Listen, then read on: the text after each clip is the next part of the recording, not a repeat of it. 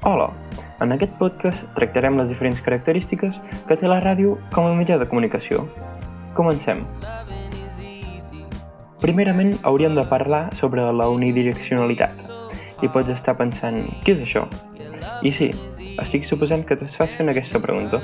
No ho sé segur, però aquí d'haver el punt clau. La unidireccionalitat es tracta que entre l'emissor i el receptor no hi ha un intercanvi de missatges recíprocs. Només l'emissor és l'únic que pot transmetre un contingut i el receptor el rep sense poder donar-li una resposta. Aquest tret es complementa amb dues característiques més, la seqüencialitat i, conseqüentment, la fugacitat. Com que a mesura que s'està emetent el programa va desapareixent, la possibilitat de poder rebobinar i, per tant, poder escoltar el que ja s'ha parlat queda anul·lada. Per exemple, escoltem aquest àudio. Els agapornis són un tipus d'ocell que tenen un plomatge molt acolorit.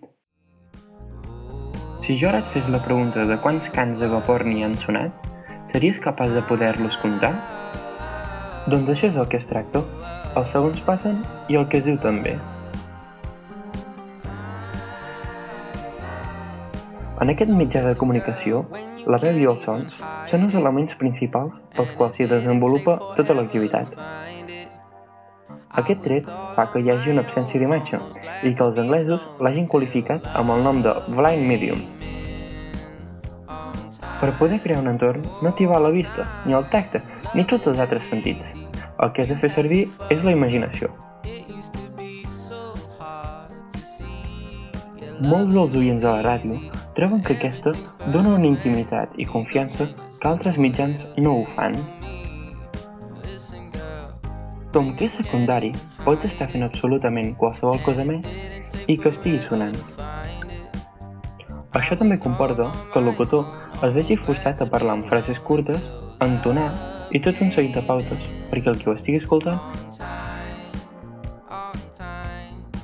I per acabar, una característica molt interessant és la ubiquitat, en conjunt amb la immediatesa.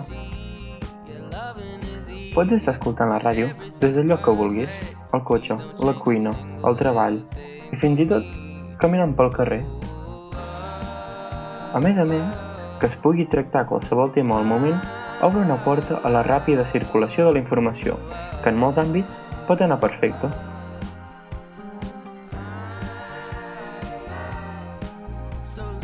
Bueno, espero que t'hagi agradat aquest podcast i ens escoltem a la pròxima. Gràcies. I was all on my own, almost glad to be alone until love